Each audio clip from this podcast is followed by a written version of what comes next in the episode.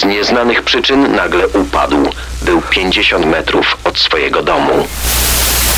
Rana na szyi oligarchy nie była typowa. Płatni zabójcy, seryjni mordercy i sceny zbrodni w RMFFM.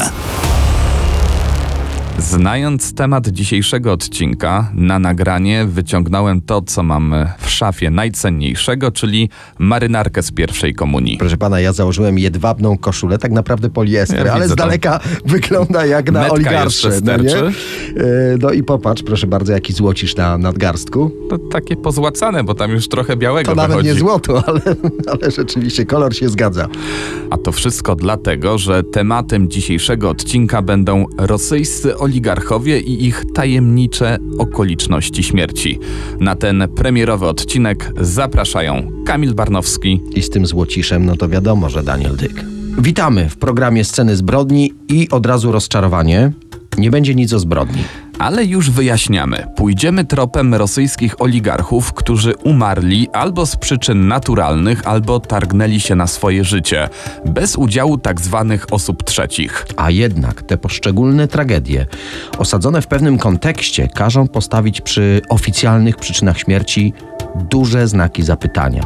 To, co łączy bohaterów dzisiejszego programu, to ogromny majątek i fakt, że uciekli z Rosji do Londynu.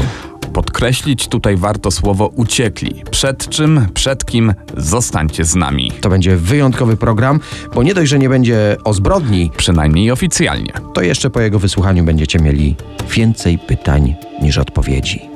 Tuż po wybuchu wojny w Ukrainie świat obiegła informacja o niejasnych okolicznościach śmierci oligarchy związanego z Rosją, z Putinem. Nazywał się Michał Watford i był mieszkańcem Londynu. A naprawdę wychowywał się w Ukrainie. Na świat przyszedł w maju 1955 roku jako Michał Tołstoszeja. Jego ojciec był znanym rosyjskim biznesmenem. Ale syn okazał się jeszcze bardziej znanym i jeszcze bardziej biznesmenem. Dorobił się niewyobrażalnego majątku w branży paliwowej właśnie na rafineriach w Ukrainie. Był niewysokim, szczupłym blondynem o niebieskich oczach, dwukrotnie żonaty, właśnie z drugą żoną Jane, pochodzącą z Estonii, przeniósł się w 2000 roku do Wielkiej Brytanii i zmienił nazwisko na takie, które Brytyjczycy będą potrafili wymówić. I tak Tołstoszeja stał się Watfordem.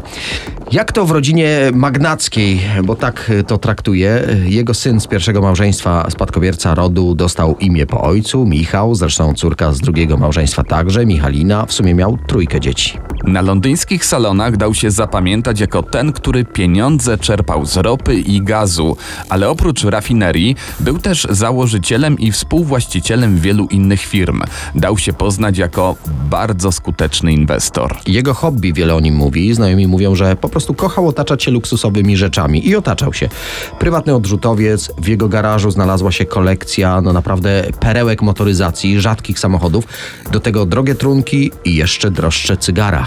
Wartości swojego majątku nigdy nie ujawnił. Mówi się o miliardach, a sama jego willa w Londynie kosztować miała 18 milionów funtów. I właśnie w tej bajecznej rezydencji w poniedziałek 28 lutego tego 2022 roku znalazł jego ciało ogrodnik. Przypomnijmy, Rosja napadła na Ukrainę cztery dni wcześniej. Miejscem dramatu był właśnie ten wielki garaż, o którym wspomnieliśmy. Wszystko wskazywało na to, że Michał Watford popełnił samobójstwo, powiesił się wśród swoich ukochanych samochodów. We wstępnej hipotezie przyjęto, że to właśnie napad na jego ukochaną Ukrainę sprawił, że oligarcha załamał się psychicznie.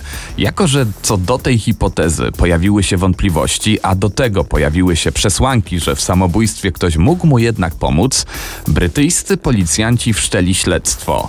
Na jego wyniki jeszcze czekamy. Z nieoficjalnych informacji dziennika The Sun wynika, że jedna z sąsiadek oligarchy złożyła zeznanie, że od dwóch lat głośno mówił o tym, jak bardzo obawia się o swoje życie. Żył w strachu o siebie i swoją rodzinę. Potwierdziła to matka oligarchy. Ją też ściągnął do Londynu i wynajął rezydencję po sąsiedzku, by być z nią w kontakcie. Dodajmy, że mama była w domu, tuż obok, w czasie, gdy jej syn miał zakładać sobie pętlę na szyję. Wracając do Michaiła Watforda, twierdził, że Putin ma listę osób do zlikwidowania i on na tej liście się znalazł. Pytanie dlaczego? Michał Watford miał przyjaźnić się z Borysem Bierjezowskim. Ten oligarcha był jednym z najzagorzalszych krytyków polityki Putina. Zginął w zagadkowych okolicznościach w 2013 roku. Jego ciało zostało znalezione w rezydencji pod Londynem. Bierjezowski też miał popełnić samobójstwo przez powieszenie i o tym opowiemy po 22. Mało tego, Daily Mail przypomniał, że w sąsiedztwie Watforda mieszkał inny rosyjski biznesmen, Aleksandr Pieriepliczny. I on w 2010 roku ujawnił wielomilionowe malwersacje i oszustwa podatkowe w Rosji, a już dwa lata później nie żył. I jak się domyślacie, jego śmierć też ma status w niewyjaśnionych okolicznościach. Pójdziemy tym tropem o tej sprawie już za moment.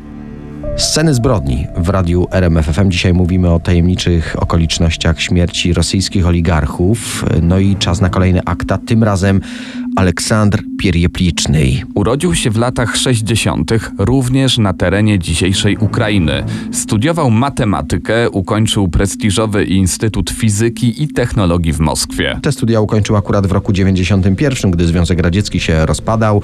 E, Zapowiadał się na naukowca, wykładowcę matematyki, tak mówili o nim koledzy z roku, a jednak nowa rzeczywistość pokazała, że ten młody, inteligentny człowiek ma talent do robienia pieniędzy. Bo wtedy to, co państwowe, zaczęło podlegać regułom wolnego rynku, przynajmniej w teorii. No i pierwsze skojarzenie związane z przemianami, pamiętają to słuchacze także z Polski, początek lat 90., komputery się pojawiły na wielką skalę. I to właśnie na elektronice interes bił młody Aleksander. Za komputery kupił sobie wymarzonego, prestiżowego czarnego Mercedesa. Później majątek pomnażał. Jak się przypuszcza, w nie do końca legalnych biznesach. Szło mu tak dobrze, że oferował usługi finansowe innym, sobie podobnym, którzy chcieli się wzbogacić z dnia na dzień. Niekoniecznie czysto grając. Miał talent do legalizowania tzw. brudnych pieniędzy, głównie skorumpowanych urzędników ale w końcu postawił na handel walutami i dlatego szczególnie mocno dotknął go pamiętny światowy kryzys w latach 2008-2009. To właśnie wtedy wyjechał z Rosji. Ale kryzys był tylko jedną z przyczyn, tą mniej istotną. Większym problemem stali się dla niego jego klienci, wobec których zobowiązał się do powiększenia ich kapitału, w tym także ci bardzo wpływowi, urzędnicza mafia. Wściekli po tym, ile stracili, szukali zemsty na swoim doradcy.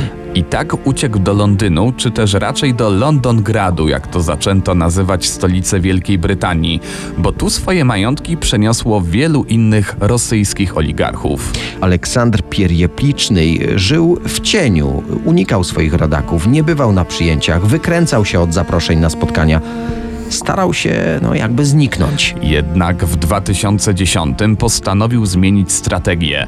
Zamiast chować się w strachu przed zemstą rosyjskich urzędników, postanowił ujawnić aferę związaną z ich korupcją. Opowiedział, jak prał pieniądze w szwajcarskich bankach i że były to pieniądze z łapówek najbardziej znanych urzędników i polityków w Rosji. Ta jego spowiedź miała być dla niego e, pewnego rodzaju tarczą. Nagłośnienie sprawy miało go ochronić przed zemstą zemstą, a jednak wiele wskazuje, że to, co może zadziałałoby w którymkolwiek z krajów europejskich, w przypadku Rosji, się kompletnie nie sprawdziło. I być może właśnie ta afera korupcyjna stała się przyczyną jego śmierci. Ale o tym za moment. Tu sceny zbrodni. Dzisiaj mówimy o tajemniczych okolicznościach śmierci oligarchów rosyjskich w Londynie. Wracamy do sprawy Aleksandra Pierieplicznego, który w 2010 roku ujawnił aferę korupcyjną na szczytach rosyjskiej władzy. Urzędnicza mafia. Przenosimy się do roku 2012. Jest wczesne popołudnie 10 listopada. W Londynie już jesienna szaruga. Aleksandr wybrał się na jogging. Kilka minut po 17 widziano go jak wbiegł w Granville Road i tu z nieznanych przyczyn nagle upadł. Był 50 metrów od swojego domu. Wyglądało na to, że w trakcie wysiłku związanego z bieganiem stracił przytomność. Przypadkowi przechodnie pospieszyli z pierwszą pomocą. Jako, że mężczyzna nie oddychał, przewrócili go na plecy i zaczęli reanimować. Kwadrans po 17 wezwano pogotowie. Lekarz, który dotarł tu karetką, stwierdził zgon na miejscu. Jak tylko ustalono tożsamość zmarłego, policjanci szybko połączyli kropki. To nie była najprawdopodobniej przypadkowa śmierć jakiegoś biegacza. To był Aleksandr Pieriepliczny, kluczowy świadek w aferze o światowym zasięgu. Latem 2010 roku właśnie on przekazał prawnikom informacje dotyczące tzw. Tak grupy Klujewa. W jej skład wchodzić mieli policjanci, funkcjonariusze FSB, urzędnicy podatkowi, nawet sędziowie. Przez dekadę ich oszustwa podatkowe liczone były w milionach dolarów. Sprawa znana od lat, ale Kreml nigdy nie wyciągnął konsekwencji od swoich funkcjonariuszy i urzędników, wręcz, jak się wydawało, ukrywał tę aferę.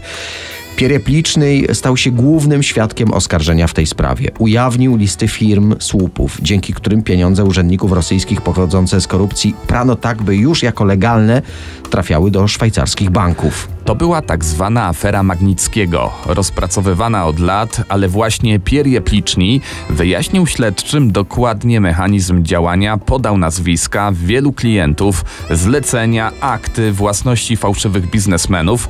Skończyło się wprowadzeniem na wielu urzędników rosyjskich sankcji. Właśnie. Te informacje trafiły także oczywiście do szwajcarskiego wymiaru sprawiedliwości. Zamrożono aktywa ludzi związanych ze wspomnianą grupą Klujewa.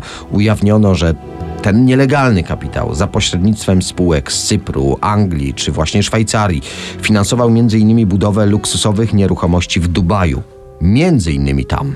Skończyło się na tym, że Pierre Pliczni zaczął otrzymywać anonimowe pogróżki. Zapowiadano mu, że zginie, a zlecenie na jego głowę wystawiła sama mafia. Zresztą później w mieszkaniu jednego z płatnych zabójców czeczeńskich znaleziono dowody, że no, miał na niego zlecenie. W toku brytyjskiego śledztwa wyszło, że na tydzień przed zagadkową śmiercią Pierre Pliczni wykupił polisy na życie. Odszkodowanie dla jego bliskich w przypadku śmierci wynosiło aż 3,5 miliona funtów. Czy to mógł więc być tragiczny przypadek? W aktach śledztwa znalazły się wyniki badań lekarskich Aleksandra Pierieplicznego. Zdrowy, żadnych problemów. Najbliżsi zeznali, że od kilku miesięcy był na zdrowej diecie. Zaczął się więcej ruszać. Praktycznie nie używał alkoholu. Głównie pił wodę i herbatę. Okaz zdrowia umiera nagle na ulicy. Nie jest to niemożliwe, ale wydaje się wysoce nieprawdopodobne. Dodajmy, że sekcja zwłok wykazała, że doszło do zatrzymania akcji serca. Testy toksykologiczne w jego organizmie nie ujawniły obecności jakichkolwiek trucizn. Trochę światła na tę sprawę rzucił były funkcjonariusz KGB. Jednej z gazet opowiedział o metodach rosyjskich służb. Używali toksyny zwanej fluorkiem sodu, bez smaku, zapachu, bezbarwny środek, którym pokrywa się przedmiot ofiar, długopis, telefon, klamkę. Ta substancja ma się rozpuszczać i nie pozostawiać śladów w ciele ofiary, niewykrywalna w czasie sekcji zwłok. I w końcu do prasy wyciekły informacje, że kolejne testy ukierunkowane na wykrycie niewykrywalnej toksyny wykazały, że w ciele pierieplicznego ujawniono, cytujemy, chemiczny czynnik, który mógł doprowadzić do zgonu. Czy te tajemnice uda się kiedykolwiek wyjaśnić? Zostawiamy Was z tym pytaniem. Śmierć Borysa Bieryzowskiego, bo o nim będziemy mówić, do dzisiaj pozostaje wielką tajemnicą. Dla jednych było to samobójstwo człowieka, który popadł w kłopoty finansowe. Dla innych znów mord polityczny na zlecenie rosyjskich elit. Spróbujemy dzisiaj przeanalizować dla Was tę tajemniczą sprawę. Gdy słyszymy nazwisko Bieryzowski, myślimy pewnie o miliarderze, ale nie zapominajmy, że był również bardzo utalentowanym naukowcem. W 1980 1953 roku obronił doktorat z matematyki. Później został członkiem Rosyjskiej Akademii Nauk. Pierwsze duże pieniądze zarobił na rynku motoryzacji po 1989 roku, czyli w czasach tzw. Tak pieriestrojki. Wykorzystywał różnego rodzaju instrumenty finansowe i hiperinflację. W 1994 roku przeżył pierwszy zamach na swoje życie. W wyniku ataku zginął jego kierowca, a sam Bierjezowski został ranny. Do prowadzenia śledztwa w tej sprawie oddelegowano ambitnego oficera Aleksandra Litwinienkę, późniejszego podpułkownika rosyjskiego kontrwywiadu, który został otruty w Londynie w 2006 roku. W 1994 roku Bierjezowski wkroczył na rynek medialny. Przejął wtedy kontrolę nad pierwszym kanałem rosyjskiej telewizji. Późniejsza działalność Bierjezowskiego była związana z prywatyzacją gigantycznych państwowych przedsiębiorstw. Uczestniczył m.in. w przejęciu przez Romana Abramowicza Sibnieftu, dzisiejszego Gazprom Nieft, potężnej firmy naftowej. Odpowiadał za zmiany w zarządzie i w strukturach rosyjskiej linii lotniczej Aeroflot. Bardzo umiejętnie wykorzystywał swoje kontakty. A były one naprawdę imponujące. Warto wspomnieć, że był zaliczany do tzw. Tak rodziny kremlowskiej, czyli najbliższych współpracowników urzędującego wtedy Borysa Jelcyna. Bez pieniędzy Bierjezowskiego i innych oligarchów, bez wsparcia należących do nich telewizji, reelekcja pikującego w sondażach Jelcyna byłaby niemożliwa. Na kampanię prezydencką w 1996 roku przeznaczono kilkaset milionów dolarów. Z biegiem czasu oligarcha coraz bardziej angażował się w politykę i próbował rozdawać karty w kierownictwie rosyjskich tajnych służb. To dzięki niemu, warto to podkreślić, Władimir Putin trafił do Moskwy i został dyrektorem FSB, Federalnej Służby Bezpieczeństwa Federacji Rosyjskiej, a później premierem. Nazywany był wręcz ojcem chrzestnym Putina. Ale w międzyczasie planowano kolejny zamach na jego życie. Pod koniec 98 roku, między innymi dzięki Litwinience, na jaw wyszły informacje o zleceniu morderstwa Bierezowskiego przez wysokich oficerów FSB. Oligarcha bardzo mocno pomagał w pierwszej kampanii wyborczej Władimira Putina. Finalnie drogi panów bardzo mocno się rozeszły. Tak naprawdę pod koniec maja 2000 roku, czyli trzy tygodnie po wygranej Putina w wyborach prezydenckich, zakończyła się ich współpraca. Bierezowski sprzeciwiał się planom reformy konstytucji, która de facto umożliwiałaby prezydentowi dymisję wybranych gubernatorów. W tym samym roku media należące do Bierezowskiego krytykowały prezydenta za katastrofę okrętu podwodnego Kursk. Oligarcha sprzeciwiał się przemianom Rosji w dyktaturę Putina. Nowy prezydent nie zamierzał tolerować krytykujących go mediów należących do oligarchów. Putin zamierzał stworzyć swoją tubę propagandową. Nowe realia zmusiły Bierezowskiego do sprzedaży należących do niego kanałów telewizyjnych i gazet. Podobnie zrobił z udziałami we wspomnianej już firmie Sibnieft, którą kupił Roman Abramowicz. Bierezowski wyjechał do Wielkiej Brytanii, gdzie uzyskał azyl polityczny. Na wyspach skupił wokół siebie grono innych, albo wygnanych z Rosji, albo takich, którzy z Rosji uciekli. Założył fundację na rzecz swobód obywatelskich. To właśnie z Londynu nadal krytykował działania prezydenta, jak przyznał, jego misją jest obalenie Putina. Zaangażował się również w pomarańczową rewolucję w Ukrainie. W Rosji toczyły się wobec niego zaoczne procesy. W jednym z nich został skazany na 13 lat więzienia za defraudację pieniędzy należących do państwowych przedsiębiorstw. Jego ewentualny powrót do ojczyzny wiązałby się z natychmiastowym aresztowaniem. Władze Rosji bezskutecznie zabiegały o jego ekstradycję. I właśnie tak w tej y, historii pełnej różnego rodzaju wątków docieramy do 23 marca 2013 roku. Jesteśmy w rezydencji oligarchy w Sunning Hill pod Londynem. Osobisty ochroniarz Bierjezowskiego zdziwił się, że biznesmen nie pojawił się na lunchu. Zaniepokojony wszedł do prywatnych pomieszczeń oligarchy. Na stoliku obok łóżka leżał telefon komórkowy Bierjezowskiego. Biznesmen nie odebrał kilku połączeń. Drzwi do łazienki były zamknięte od wewnątrz. Ochroniarz zadzwonił więc pod numer alarmowy, a następnie mocnym kopnięciem wyważył drzwi. Borys Bierjezowski leżał na podłodze w samych bokserkach. Wokół szyi miał zaciśnięty czarny szal. Pętla była przywiązana do szyny osłony prysznica. Jeden z najbogatszych i najbardziej wpływowych ludzi w Rosji zmarł w wieku 67 lat. Wszystko wskazywało na to, że było to samobójstwo, ale czy na pewno? Prawda nie jest tak jednoznaczna. Biznesmen powiesił się na pętli, którą skonstruował ze swojego szala. To jest ciekawy wątek. Policja zablokowała drogi w okolicy rezydencji oligarchy w promieniu 3 kilometrów. Według brytyjskich śledczych jednak nic nie wskazywało na udział osób trzecich w zdarzeniu. Bierezowski prawdopodobnie targnął się na życie z powodu problemów finansowych. Miała go złamać przegrana walka sądowa z byłym partnerem biznesowym Romanem Abramowiczem. Chodziło tutaj o przytaczaną już przez nas sprzedaż Sibnieftu. Bierezowski miał zostać zmuszony do sprzedaży swoich udziałów po mocno zaniżonej cenie. Oligarcha liczył na wielomiliardowe odszkodowanie, a skończyło się na 70 milionach funtów, które trzeba było pokryć za postępowanie sądowe. Dodatkowo zalegał innym podmiotom 200 milionów funtów. Dodajmy do tego jeszcze problemy rodzinne. Generalnie Bierzozowski spędził ostatnie miesiące pogrążając się w depresji, sprzedając zgromadzony majątek, aby choć częściowo wyjść z długów, zmienił numer telefonu i nie odpowiadał na listy. Rzecznik prezydenta Putina poinformował, że przed śmiercią Bierzozowski wysłał przepraszający list do prezydenta. Prosił w nim o wybaczenie i o możliwość powrotu do kraju.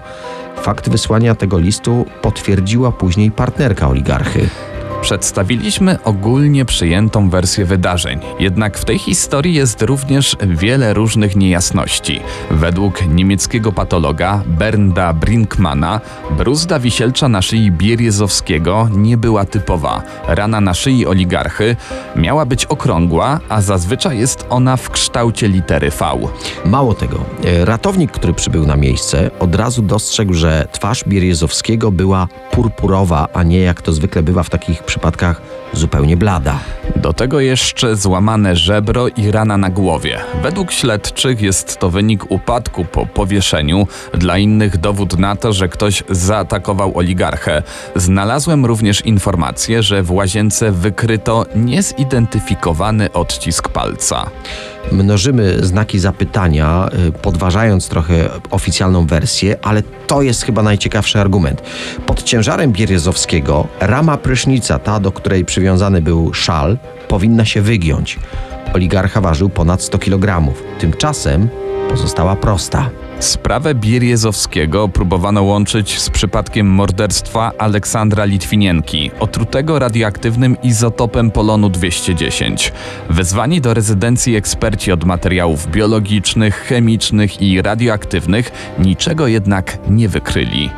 Nie rozstrzygając, co wydarzyło się pod koniec marca 2013 roku w rezydencji Bierzozowskiego, ostrzegaliśmy, że możemy Was zostawić z większą ilością znaków zapytania po tym programie.